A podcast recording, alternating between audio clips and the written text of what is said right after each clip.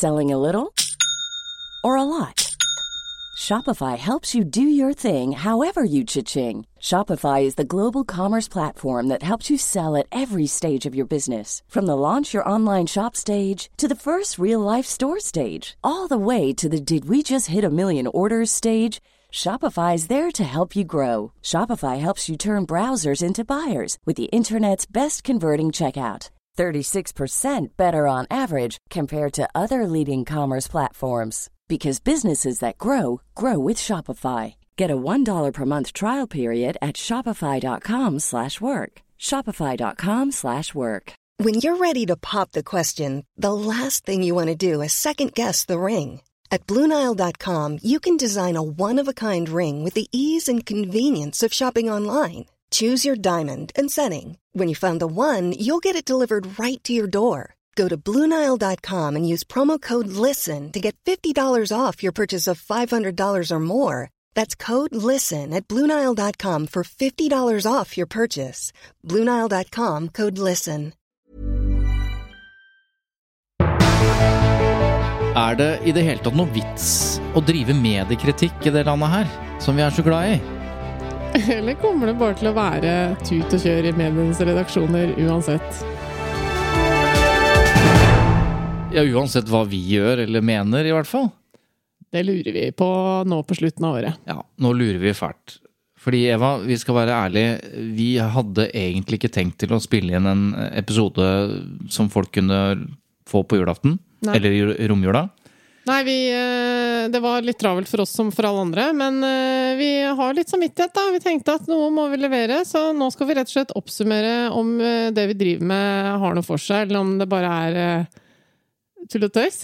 Det er en slags sånn metaversjon. fordi at noen mener jo at mediekritikk i seg selv er en metadiskusjon. Eller i hvert fall selvopptatt, og, og snakke så mye om hva journalisten gjør og ikke gjør. Ja, Hører vi av og til. Og nå skal vi gjøre det samme. Om, Ja, bare et nivå til. Er det noe vits i å drive mediekritikk eh, i det hele tatt for oss?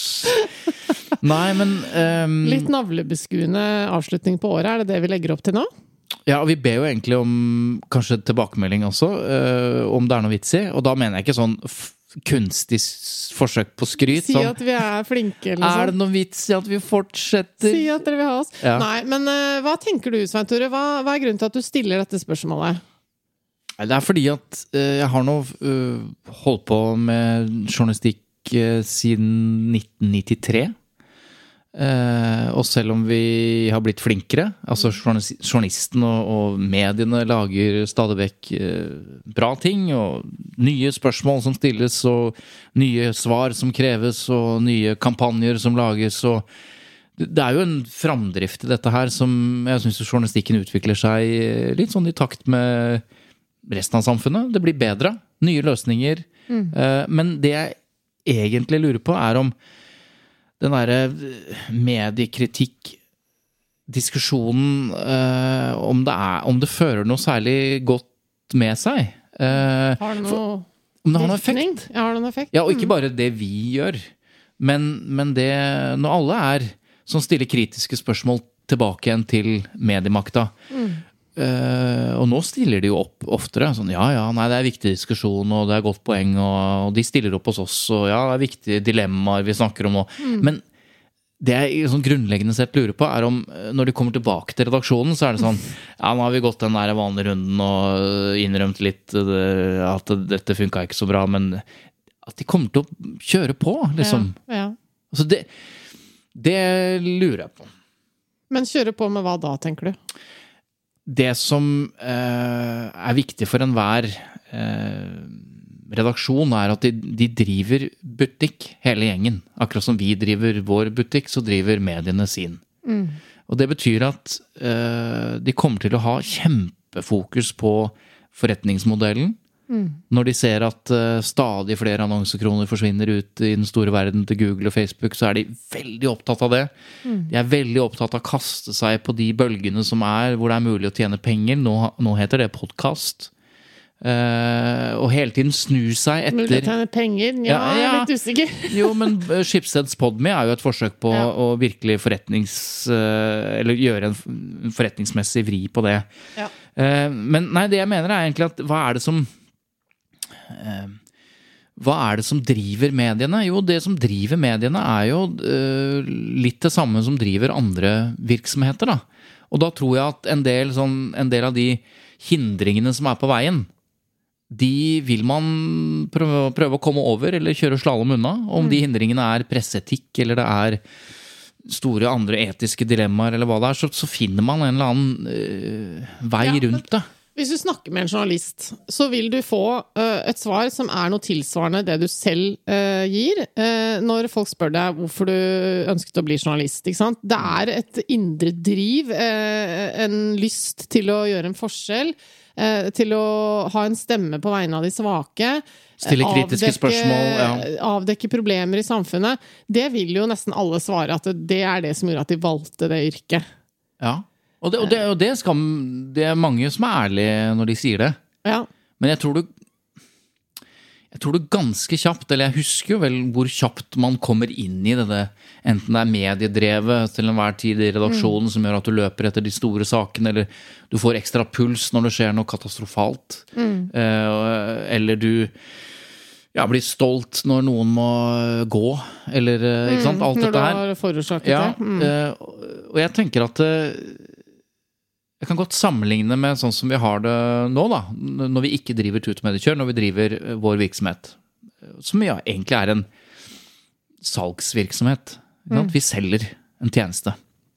Og vi vet jo det, både du og jeg, hvor gira vi kan bli når vi er eh, på sporet av et eller annet, eller at vi kanskje lander en stor kunde. Jeg tror veldig mange kan relatere seg til den gleden det er å lykkes i sin virksomhet. Ja, Enten det er I sin boble, Ja. eh, blant sine kollegaer. Enten det er eh, journalister eller redaktører eller eh, kommunikasjonsfolk eller eh, folk som selger Ja, det eh, at vi har denne gravesaken, vi har dette Ja. skupet. Eh, vi var først med denne saken. Det var vi som oppdaget sånn og sånn. Det var Ja. vi som stilte spørsmålet som gjorde at, eh, at regjeringen skaper- falt, eller ja. Det skaper både personlig stolthet, det skaper Mm. eh, redaksjonell stolthet eller, eller stolthet i, i miljøet. Mm.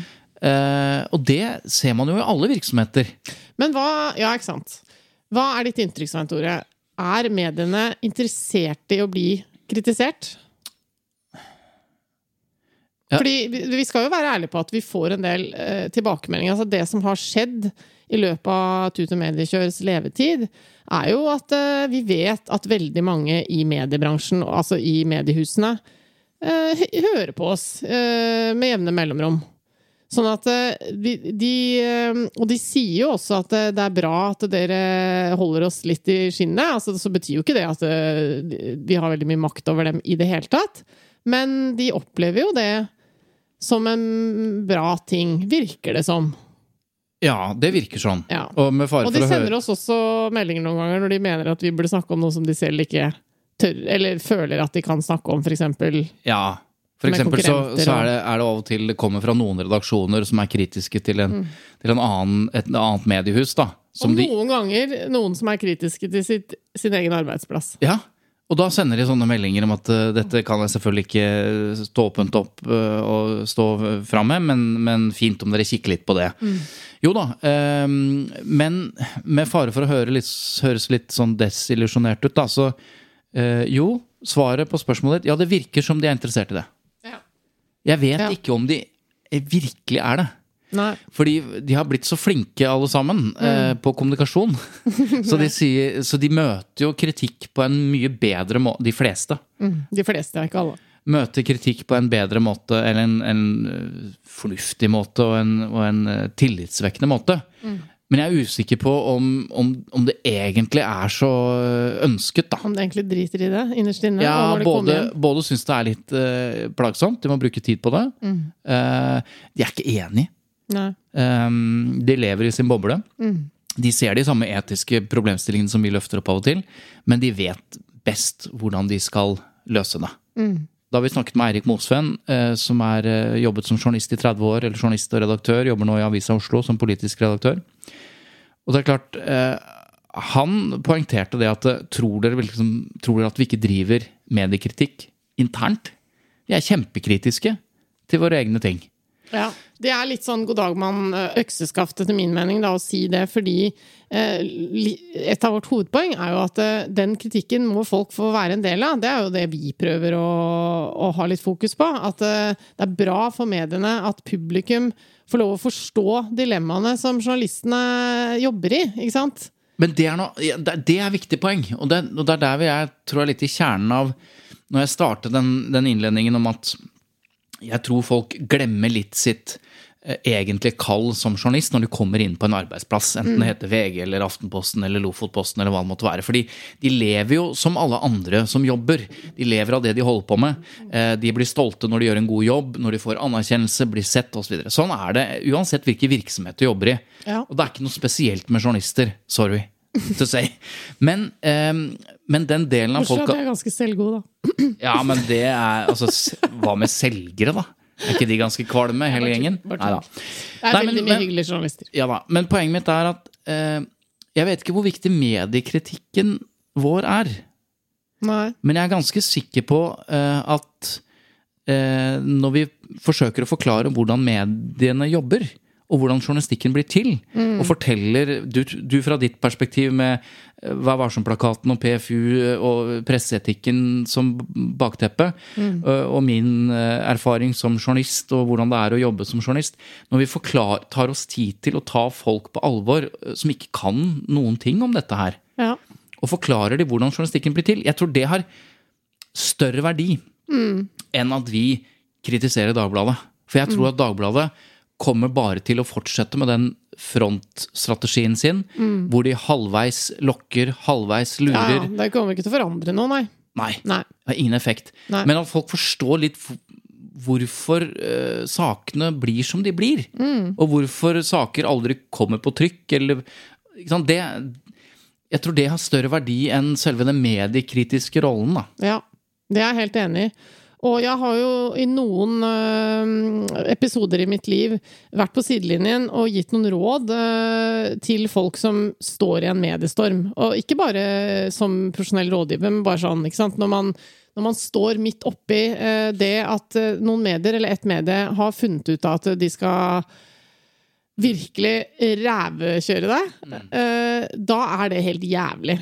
Og det å da uh, kunne fortelle folk at eh, nå skal du høre her, du har muligheten til å, til å kreve sånn, du kan påpeke det, Uh, du har rett til å ringe og ha en bakgrunnssamtale og forklare deg litt hvis du vil det, og du har rett til å, å få sitatsjekk hvis du er redd for at det du sa nå ble litt sånn og sånn, og så kan du undersøke om de har oppfatta deg riktig ved at du ber om det.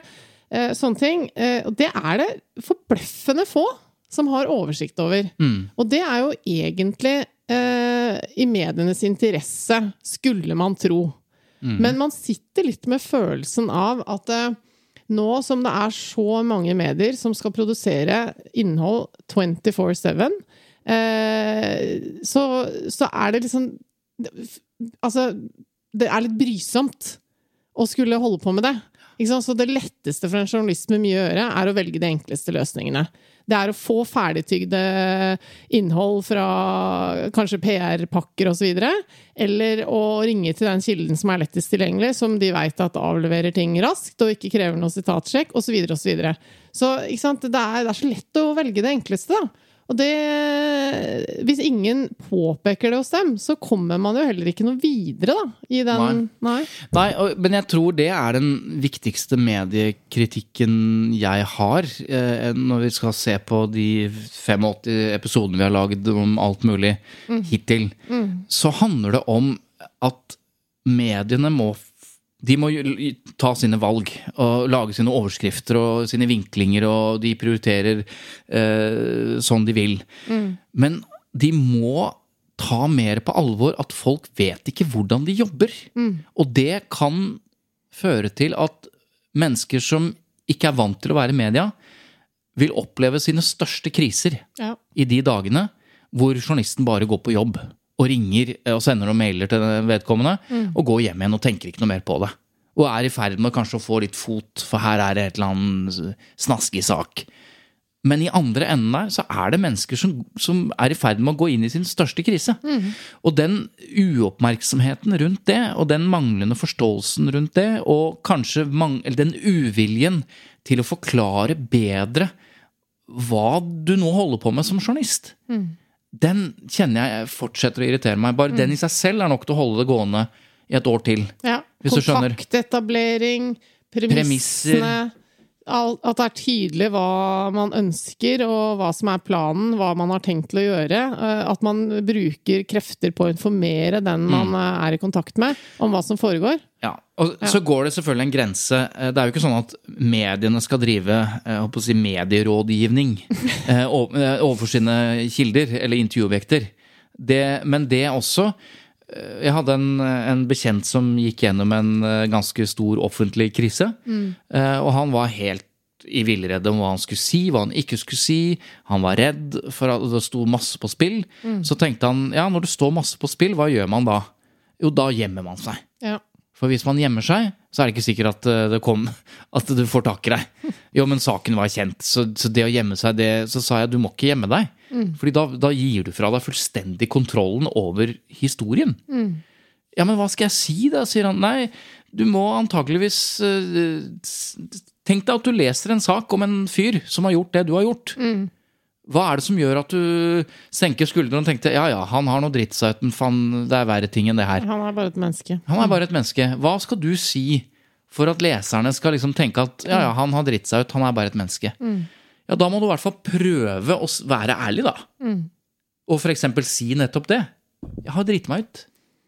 Altså, det er sånne Ja, ikke sant? Og Ikke sant? jeg Det som gjør eh, folk redde i denne situasjonen, er jo ofte også at eh, Ja, men eh, journalisten vil veldig gjerne at jeg skal prate med han eller henne på telefon. Og da Jeg surrer meg alltid bort. Jeg prater for mye. Jeg sier Mm. feil ting. Jeg har egentlig bare lyst til å si akkurat det lure som du har nå fått meg på tankene at jeg burde si. Men på, i, en, i løpet av en telefonsamtale så kommer jeg til å si annet. mye annet. Ja. Og det er jo også en arbeidsmetode som journalistene er bevisst på. At eh, de stiller litt flere spørsmål. Og så er det kanskje bare en bitte liten ting som kommer i en bisetning, som er det som ender opp på forsiden av nettavisen, eller og det også er sånn skikkelig kjip opplevelse som veldig mange har. ikke sant? At de føler seg ikke trygge i møte med en journalist. De opplever noen ganger at eh, redaksjonen ikke vil dem vel. Og det er jo ikke sant, nødvendigvis, men det er en veldig sånn sterk følelse av ubehag som de fleste kilder som er i hardt vær, har. da. Ja, og det er nettopp den følelsen av eh, manglende kontroll. Fordi at det er jo sånn at hvis du sitter og snakker lenge med en journalist om i hvert fall ting som er litt krevende eller Det trenger ikke være krevende, eller det kan være et portrettintervju. Og du sitter og prater og prater, og du får en god tone osv. Så, videre, så er det jo journalisten som til syvende og sist bestemmer hvor mye av den eh, halvannen timen som skal på trykk. Og det blir et veldig konsentrert utdrag. Og setninger trekkes ut, blåses opp. Det er det som kalles overskrift eller ingress. Og du har ikke noe kontroll på Eller i utgangspunktet har du ikke noe kontroll på det. Og at det journalisten velger å trekke fram og blåse ut, eller blåse opp, skal være det du også kunne tenke deg å trekke ut og blåse opp hvis du kunne velge, det, det er jo som regel Sannsynligheten er ikke så stor for det. Nei, det. er ikke så Nei. ofte så sammenfallende. Fordi hvorfor lager de en overskrift? Jo, det er fordi at det skal vekke oppmerksomhet. Så alt dette her Mm. Ja. de skal jo ikke lage reklame for det du helst vil snakke om. Nei. nødvendigvis. Eh, Så jeg skjønner at folk blir eh, usikre i møte med journalister, fordi, og det er primært fordi man mangler kontroll. Så ja, hvordan havna vi her? Nei, altså, det blir det- en blanding mellom mediekritikk og medierådgivning vi holder på med hele tiden. Ja, det er jo det. Og, og det som er eh, vi stadig vekk må minne oss om, er jo eh, Så hvorfor gjør vi det? For vi har sagt da vi starta dette prosjektet, at eh, vi ønsker å gjøre det fordi at vi i bunn og grunn eh, elsker mediene. Vi ser medienes rolle i samfunnet som viktig. Vi tror eh, det er viktig at folk forstår og har respekt for eh, medienes oppgave i samfunnet vårt. Og da er det vår hypotese at eh, de vil ha mer respekt dersom de forstår mer av hva som foregår. Ja, og det er jo et Hele premisset for det er jo at vi vet at journalistene ikke er lurendreiere. For hvis de hadde vært eh, Tasken-spillere og idioter, så hadde jo mer kunnskap om hva de holdt på med, ført til mindre tillit. For, sant? for Ja. tesen, tesen vår er at mer kunnskap om hvordan mediene eh, lager saker, eh, øker tilliten. Ja, og, Og det, det- er jo det får- selvopplevd, eh, i hvert fall for min del, da. Ja, Så er jo det selvopplevd, ikke sant. At jo mer jeg forsto av hvordan de tenker og jobber, og hvilke regler de har, At de hadde mange diskusjoner fikk jeg, eh, ja. rundt etikk og dilemmaer og så videre, så skjønte du at de ikke var bare på jakt.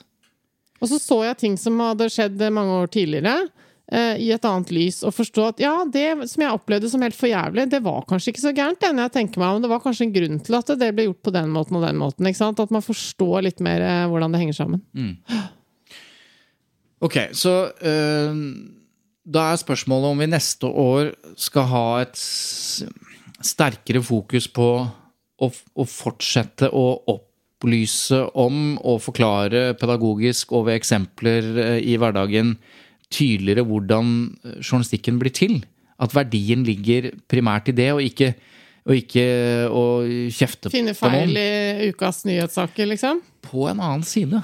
Ja, altså, nå var jeg også litt sånn Nei, men vent nå litt. så er det jo eh, ved de eksemplene hvor vi finner hvor det er noe kritikkverdig, at vi også eh, I hvert fall lytterne og de tilbakemeldingene vi får, Ja, går jo det ofte på det. Ja, det det. At de stiller spørsmål ved 'dette kan vel ikke være helt Nei, riktig'? at, det er noe ferskt, ikke sant. At eh, folk eh, skriver til oss fordi de har sett et eller annet i uka som var, og Ja, og så som lurer de på om det, er, om det er riktig. Ja, så det Jeg tror nok ikke vi kan eh, liksom avslutte prosjektet her og så begynne med en lærebok i podkastformat. Det tror jeg blir eh, Da mister vi litt av den uke-til-uke-nyhetsverdien, da. Nettopp. Ja. Eh, Jeg kom på det fordi vi fikk en melding fra en, en lytter her som har sakset ut noe fra Nettavisen. Hvor det er åpenbart Dette handler om Tesla, altså bilene, eh, og Tesla Norge. eh, Og en eller annen problematisk greie med noen biler. Jeg leste ikke hele saken, men det trenger man ikke, for her står det eh, Nettavisen har sendt mail til Tesla Norge og spurt hvor mange biler som er rammet av denne feilen. Mm. samt bedt de utdype hva som er problemet. Så kommer det et sitat. Og bare hør nøye på dette sitatet. Vi har ingen kommentar, og ønsker ikke å bli navngitt i artikkelen. Du kan f.eks. skrive at en talsperson for Tesla Norge ikke ville kommentere saken. Ha en fin dag, svarer denne talspersonen. Og, den, det, og det står som et sitat. Ja, Og her er det jo åpenbart sånn Ja. at den som er en, skal vi si, en uerfaren talsperson, da kanskje, ja. ikke forsto Nei, at. Nettavisen tenkte at men, du er talsperson. Hvis du sender meg et sånt svar, så, Kommer det på trykk? så kommer det på trykk. Og, det, og det er også ganske Dette er jo et interessant eksempel, nettopp fordi eh, hva er liksom riktig her, og Ja, hva er etisk det. Veldig forsvarlig? interessant at du tar opp det. For det er jo litt sånn noen ganger at eh, bare det å bli oppringt med et spørsmål for så å si ingen kommentar, det kan være irriterende nok, for da har du sagt ingen kommentar. Og da er det akkurat sånn som du sier, at da kan det komme på trykk at Eva Sandum sa ingen kommentar, eller Ja, og noen ganger er det, er det greit, for noen ganger er svaret ditt Ingen kommentar. ingen kommentar. Ja. Men andre, andre ganger skal du så- bare formidle at du ikke vil Ja, si noe som helst. Og da er det jo to ting du kan gjøre. Det ene er å bare ikke ta telefonen og gå og gjemme deg, sånn at det, det, det ikke går an å Faktisk. si noe annet enn at man ikke har fått tak i personen. Eh, Eller så er det å prøve å finne en måte å, å komme i kontakt med denne journalisten, men allikevel få formidle at eh, jeg kan godt snakke med deg nå, men jeg vil ikke at du skal sitere meg på noen ting. Og det er vanskelig. Det er ikke Ja. så lett å vite hvordan man skal gjøre det. Nei, for når er det Nettavisen da kan skrive nettopp sitatet Eva Sandum uh, sier 'Jeg vil ikke at du skal sitere meg på noen ting', og det er veldig viktig for meg at ikke navnet altså, hvis Ja. du prøver, For det er jo det denne talspersonen i Tesla har forsøkt. Ja, ja. Litt klønete, må jeg si. ja, ja, når du, når du får en jobber i en virksomhet. Ja, og du får en e-post. Da må du vite når er det du er på bakgrunn. Det som ikke har skjedd her, hvis vi skal gi Nettavisen the benefit of the doubt, Mm. så har hun aldri tydeliggjort at det jeg nå sier, det er, det er ikke noe du kan sitere. Selv om det er åpenbart det hun mener. Mm. Men eh, hva gjør dette med folk som leser, Mm. og sin skal vi si, eventuelle frykt for media? Når Mm. de leser at selv talspersoner i Tesla ikke forstår når de blir sitert, og når de ikke blir sitert. Ja, ikke sant. Hva gjør det? Fordi det, det, det, jeg antar Nei, at for det kan så gjøre to ting. da Det kan bekrefte en sånn der 'herregud, det er helt umulig å ha kontakt med journalister', det der er jo helt for jævlig, kan noen tenke. Mm. Å bli utsatt for det der. Så flaut og pinlig og alt mulig. Og være 100% på denne talspersonen i Tesla sin side. Men på en annen side så kan det jo være noen som eh, blir litt mer eh, heia Nettavisen. Bra at dere er på ballen og, Ja, og avslører sånne ikke? idioter som ikke klarer å gjøre rede for seg i en så stor virksomhet med så mye makt. Mm. De selger jo ganske mange biler i dette landet vårt, som vi er så glad i. Ja.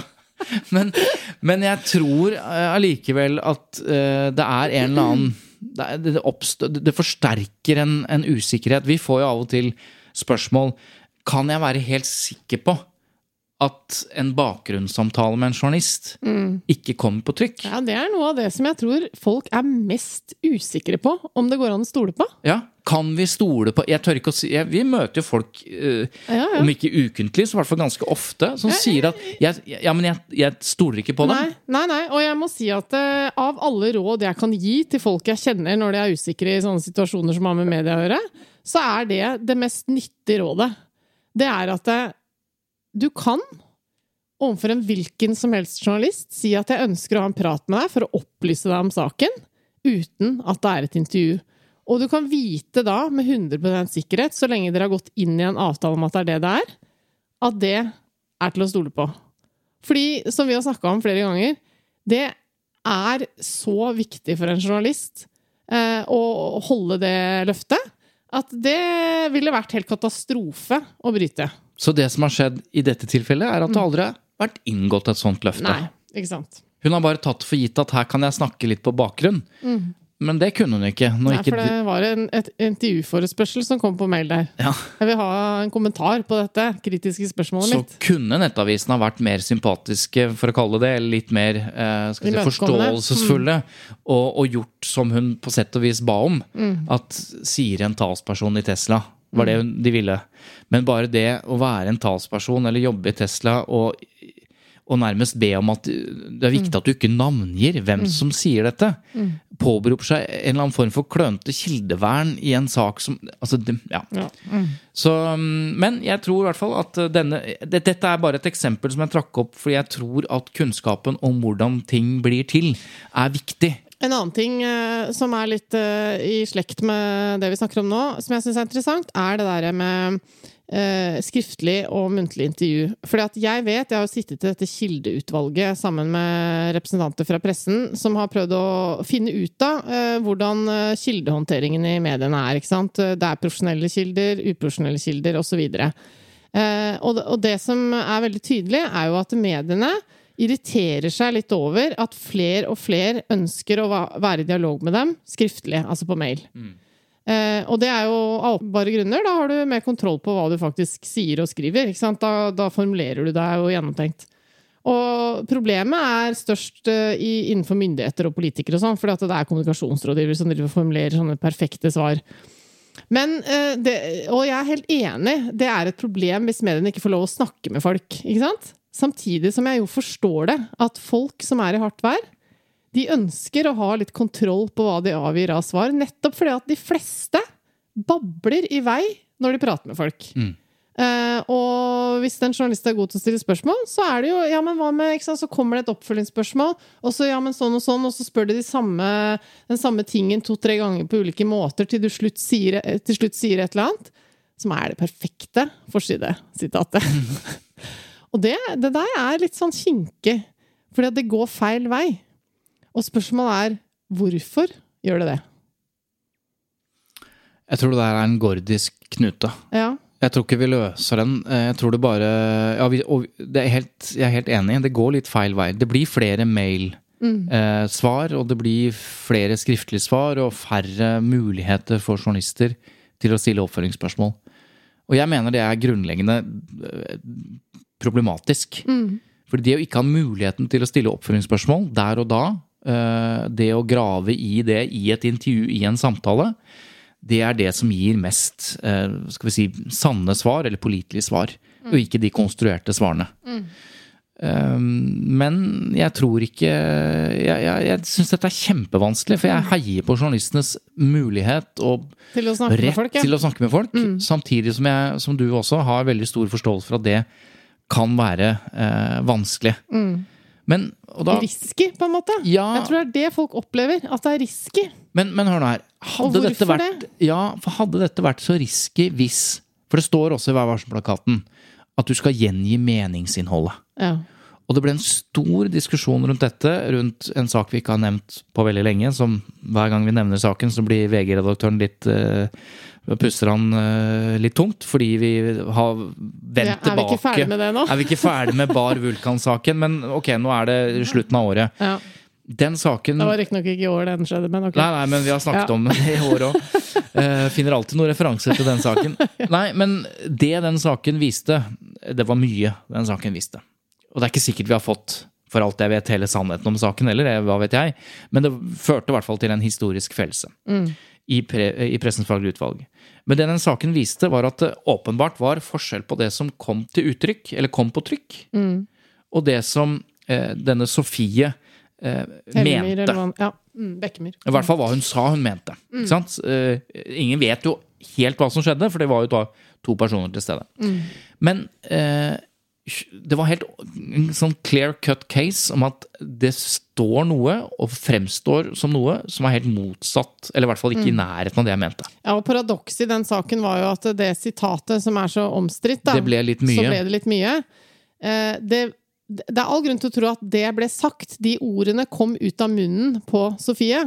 Men spørsmålet er i hvilken sammenheng, med referanse til hva, eh, og så videre. Og da er det lett å se for seg at man sitter sånn på McDonald's eller hvor det var, eh, i en sånn kjapp kildesamtale, det er dritdårlig tid, og han skal få så mye som mulig info, han skal på trykk og så videre. Og så skriver jo han ned at hun sier det. Det er sikkert helt riktig, det. For Det kan godt hende. Det kan hende. Mm. Eh, men hun kan jo ha sagt det med referanse til veldig mye forskjellig.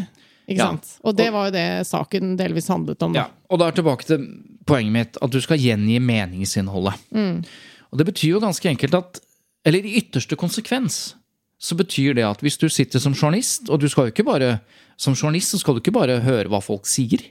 Du skal sjekke hva folk har gjort, eh, hvordan de fremstår. Eh, altså hele, hele personen. I hvert fall i et, i et større intervju så, så har du muligheten til å, eh, til å dokumentere og referere ting som skjer. Og hvis du får et helt klart inntrykk av at denne personen mener det han sier, når han sier f.eks. at vi må kjempe eller stå på krava for disse og disse, eller så videre. Et eller annet, Det var et dårlig eksempel, men uansett. Hvis man får en helt klar følelse gjennom det som blir sagt, denne personen mener dette. Så sier eh, vedkommende noe, noe i i forkant eller etterkant eller underveis som tyder på noe annet. Som i hvert fall skaper en eller annen Kan skape en usikkerhet om han faktisk mener dette. Men journalisten skjønner at dette bare er en klønete måte å formulere seg på. Det er Han har jo snakket i en halvtime om hva han mener. Men akkurat den setningen her Så gled han litt utpå, sa han. så og var litt utpå, ja. og så sa han et eller annet som i hvert fall kan fremstå som han mener noe annet. Så kan jo journalisten tenke at nei, men den setningen skaper Den jo usikkerhet. Den ble Den sagt. sagt. Mm. Det er sitatmessig helt riktig. Jeg har til og med på bånd. Kan ikke protestere på det. Men hvis du setter den på trykk, så vil vedkommende ikke kjenne seg igjen. Mm. Men det er jo ikke dette jeg mener. Nei. Det er en uh, skikkelig stor utfordring. Ja, og da mener jeg vi må appellere til uh, journalistens integritet. Mm. Det står i Vær varsom-plakaten at du skal gjengi meningsinnholdet Mm. når du siterer. Det er ikke meningsinnholdet. Hvis du har sittet en halvtime og hørt på en fyr som mener oppriktig, åpenbart noe, Ja. og så bruker du et sitat som sår tvil om det. Og det er der også tenker jeg at eh, ja, det er en gordisk knute og at, at folk blir redd for mediene og vil svare skriftlig, men hvis man er mer tro og mer real og mer ryddig som journalist Ja. om hva vedkommende egentlig gir uttrykk for, så, det jo, så skaper det en større trygghet, En da. god hovedregel er jo sånn som vi ofte gjør, og som jeg hører deg veldig ofte gjøre når du har vært i samtaler eller intervjuer, at du oppsummerer til slutt. Noen, la meg prøve å, å, å, oppsummere om jeg har forstått deg riktig. Og så gjengir du meningsinnholdet i det som samtalen har dreid seg om, og, og, og, og det den andre personen mener å ha uttrykt. Og du så- forsikrer deg om det. liksom- Ja, ja, det er riktig oppsummert. Eller at du da får påpekt at nei, det var ikke helt det jeg sa. Jo, det var det. Ja, da var det ikke det jeg mente. Da har du muligheten til å, Mm. til å rette opp i en eventuell uh, usikkerhet rundt det. Men det, blir det vil jo alltid være sant, to ulike behov her som står mot hverandre. Det ene er behovet til kilden, som ønsker å få uttrykt det viktigste. Og så hvis det er Men hvis det samtidig er muligheter for å spisse dette, eller dra ut noen sitater som, som skaper en eller annen slags tvil, så vil jo det også skape oppmerksomhet. eh, Og Ja. gjøre at journalisten får mer mm. Og det fins jo sånne saker som bare er basert på misforståelser. Ja. Hvor den ene saken følges opp etter den andre, og det viser seg hvis du går tilbake igjen til utgangspunktet, så var det aldri noe tvil om hva man mente. ikke sant? Og det Ja, og jeg syns radiojournalistikk kan være litt slitsomt eh, på akkurat det området her. fordi hvis man følger nyhetsdøgnet og starter på kanskje Nyhetsmorgen eh, på radio om morgenen og sånn, så, så merker man jo at det, det er akkurat som journalistene jobber eh, med mål om å lage saker videre for hverandre. Fordi at spørsmålsstillingen og, og diskusjonene og debattene som er på Nyhetsmorgen, spesielt innenfor politikk, da, er ofte så utrolig sånn ute etter å få det sitatet som kan bli nettsaken rett etterpå, og som kan lage Kan du utelukke at ja. mm. eh, ikke sant? Det er om å gjøre at alt handler om å få folk til å si noe feil, på en måte. eller, Skjønner ja, du hva jeg mener? Ja, eller si noe eh, som er såpass eh, på kanten eller kontroversielt eller ikke i tråd med partiprogrammet, eller en, en konflikt som eskalerer fordi du velger et ord som på en måte Ja. Men samtidig så er det jo også sånn at hvis det er noen politikere som da Som du kanskje får et inntrykk av at de mener ikke det samme som, Som de sier. som Eller- kollegaen Nei. eller som partikameraten. Ja Ja, Så er det jo også en oppgave røyke ut Ja, liksom. så det er en oppgave å prøve å finne ut av det òg. Det det. Men um, nei. Jeg, det er i hvert fall eh, tosidig, da. For det er to, eh, det er to hensyn, eller to interesser, som står ofte mot hverandre når journalister og kilder møtes. Mm. og det gjør at jeg tror at det er en gordisk knute, at det fortsatt kommer til å være usikkerhet eh, og rundt hva journalistene kan finne på. Ja. Men eh, før vi avslutter her, siden Mm. det er helt på slutten av året, la oss løfte dette litt opp, eller snu det helt rundt. Uh, hvis vi tenker oss Vi kan at både løfte det opp og snu det helt Ja. rundt, nesten som en pizza. Ja. Og så kan vi stå sånn og i noen runder. Og det som da faller ned igjen, er et samfunn hvor vi ikke har redaktørstyrte medier. For det går jo an å stille spørsmålet hva skal vi med dem? Mm. Kan vi ikke bare ha sosiale medier? Nå har alle fått en stemme, alle har fått en plattform. Fri kan- flyt av Det er masse informasjon hele tiden. Vi mangler ikke noe. Altså, dette er- Trenger vi dem? La oss stille det spørsmålet. Ja, det er artig eh, stilt, fordi vi vet jo svaret. Ja, det er et retorisk spørsmål, som det heter. Ja, Eh, Fra vår side, da. ja. eh, Men altså, jeg tror det er det vi må, liksom, Hvorfor trenger vi mediene? jeg tror spørsmålet er feil stilt. eh, fordi, Ja vel. Nei, det, eller det er enkelt å svare på. Fordi ja, vi trenger det. For, for alternativet å ikke ha redaktørstyrte medier, å ha bare sosiale medier hvor det er fri flyt av informasjon, hvor, hvor det du uh, interesserte deg for Ja, men du kan jo ha medier. Altså, du kan jo ha noen idioter som uh, går inn i en avtale med et trykkeri, som lager flyveblader, og, eller lager blogger og nettaviser. Ja, nå er det 2021, da, så det er ikke så mye flyveblader. Men, men, eh, nei, men som kan lage blogger og nettaviser. Og det, Ja. Jo, men, men det er klart at eh, hvis du ikke har eh, redaktører som eh, jobber etter mm, etiske prinsipper, så, så blir det jo helt kokomania, ikke sant? Da er det jo mm. Du må gjerne mene at mainstream media eh, underdekker eller, eller ikke er opptatt av ting som du er opptatt av, eller at de prøver på et eller annet vis å tone ned noe og blåse opp noe annet. Du kan være masse uenig i det. Men alternativet, å bare ha de som har enten særinteresser eller, eller størst makt eller penger eller hva det måtte være, til å kjøre på med Og vi ser hvordan det funker med konspirasjonsteorier og, og altså utrolig seigliva uh, sannheter som ikke er sannheter. Altså Ja. det, det Alternativet er det nesten ikke mulig å, Nei, å se for seg. Sant? Og jeg tenker også det der eh, som noen i mediene prøver å si, da, at vi er egentlig ikke den fjerde statsmakt. Det er vel Erik Mosveen det også som prøver å si det.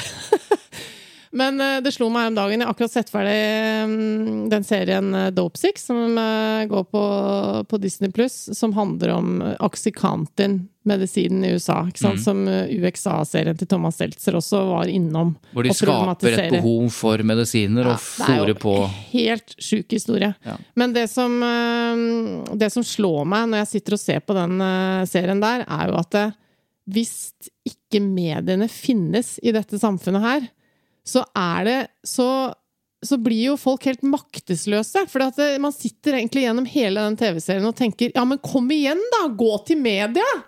For å få fokus på dette problemet. For myndighetene er korrupte.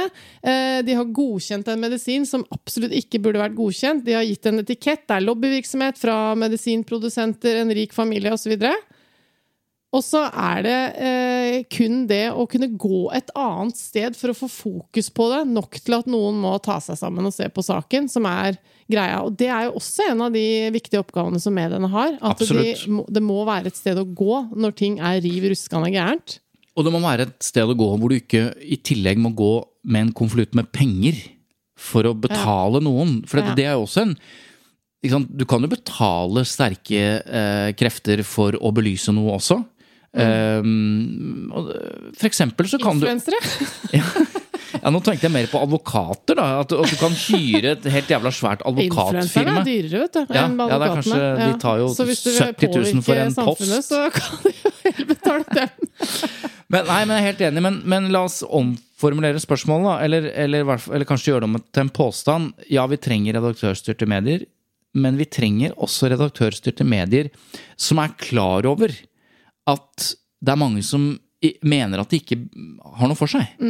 Fordi de ikke forstår verdien av redaktørstyrte medier. Jeg vet ikke hvor mange det er. altså Vi skal ikke blåse opp dette heller. Det, det fins ikke så mange vaksinemotstandere som det høres ut som Nei, når man det diskuterer sant. det.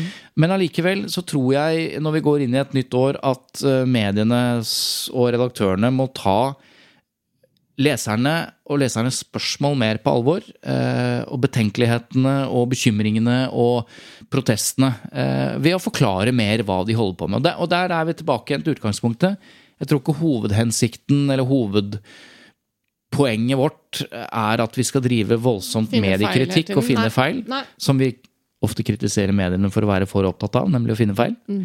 Men at vi bruker uh, uka som gikk til å belyse hvordan journalistikken blir til, da. Gjennom aktuelle saker. Gjennom aktuelle Ja. saker. Uh, Svein Tore, Ja. vi er i ferd med å runde av. Ja, Hva er hører jeg. dine ønsker for 2022, og gjerne noe som har litt med tut- og mediekjør-tematikk å gjøre, da?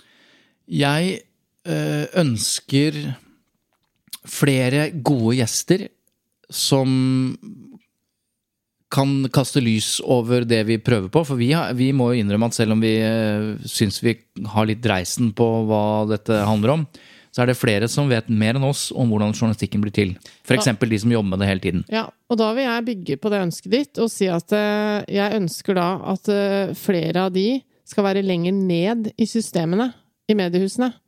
Fordi det er veldig ofte lett å få redaktørene til å komme og snakke, og det er veldig hyggelig at de tar seg tid til det. Men det er også superinteressant å høre fra de som si, jobber på gulvet og ute i gatene og er rundt omkring og lager journalistikk fra dag til dag. Mm.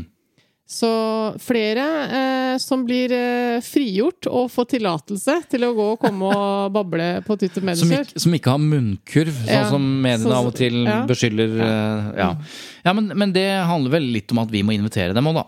Ja, men De vi kommer jo ikke av seg selv. eh, Nei da, men det skal sies at vi har hatt noen. Det har vært veldig interessant. Mm. Og så har vi invitert noen som ikke har eh, villet, fordi de føler at de, de, det er sjefen deres som burde snakke om dette. Så det er ønsket. Og i tillegg vil jeg ønske meg flere lytterspørsmål. Selv om eh, de som nå hører dette og tenker ja, men jeg har jo for pokker sendt inn et lytterspørsmål, dere har aldri besvart det. Så beklager vi det på forhånd. Ja, vi svarer på en del eh, Ja. direkte på, eh, på sosiale medier og mail, og så svarer på en del på lufta. Bruk jula til å eh, skrive ned noen spørsmål Ja, du lurer fint. Mm. på, og så kan vi starte Ja, det vil si, det er jo en liten opplysning til kanskje vi skal komme med. Om januar. Ja. Det er at uh, det blir litt endring i noen episoder i januar for uh, Svein All, alle episodene i januar, for, å være helt presis. Ja, for Svein Tore skal ha permisjon, for han har et prosjekt som han eh, trenger å dykke ordentlig ned i. eh, og ta litt fri fra det å følge med og forberede Tute Merkjer-episoder.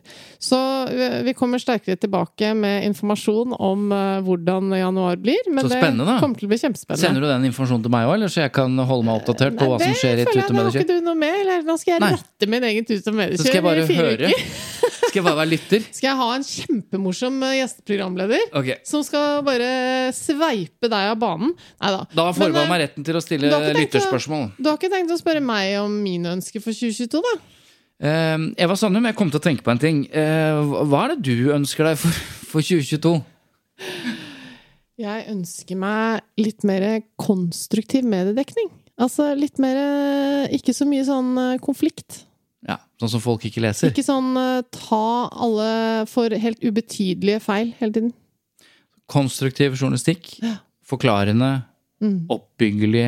Ja. Ikke bare gladsaker. Løsninger på ting. Ikke bare finne noen som burde miste jobben, og som har gjort en eller annen filleting, og og som vi skal bruke en uke på. Mm. For selve definisjonen på. på konstruktiv eh, journalistikk, sånn som vi har snakket om i en episode, det handler vel om at det har vært journalistikk som har vært kritisk. Mm. Eh, noen må gå, eller det har vært en skandale. Mm.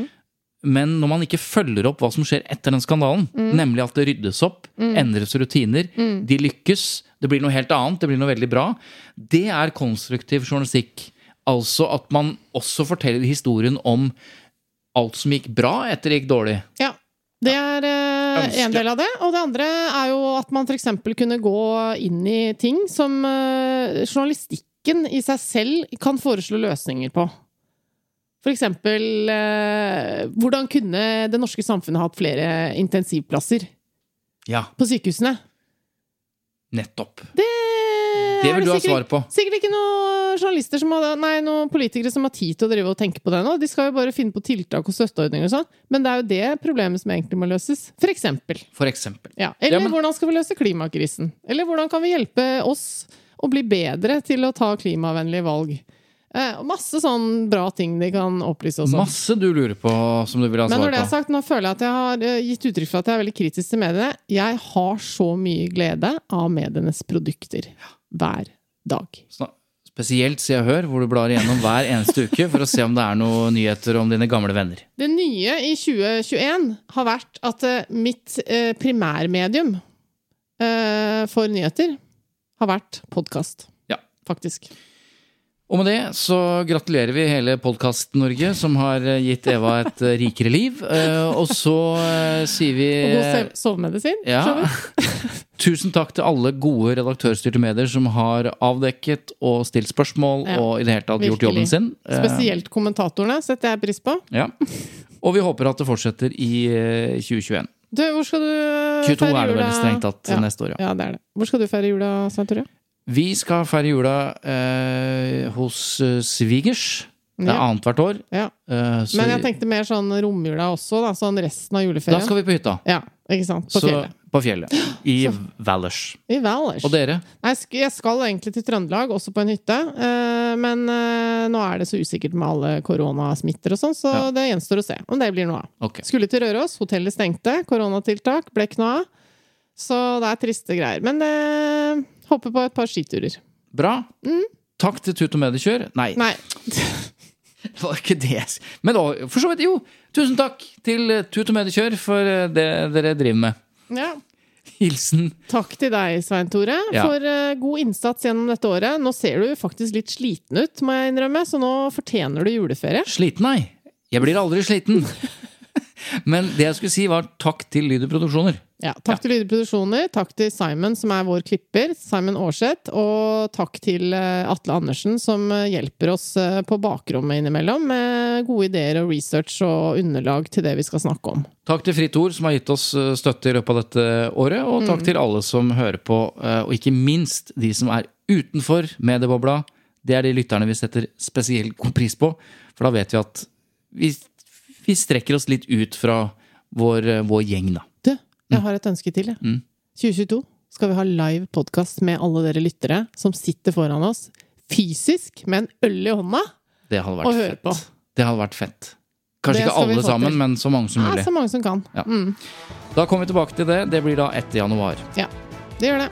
God jul, da. God jul, Svein Tore! Det heter eh, Gledelig jul. Gledelig jul. Gledelig jul heter det nå fra og med i morgen, da, hvis du hører på dette fredag 24. desember. Ikke spør Nei, kanskje hvorfor. til og med på ettermiddagen 24. når jeg tenker på. Det er etter at det sølvbrylluppet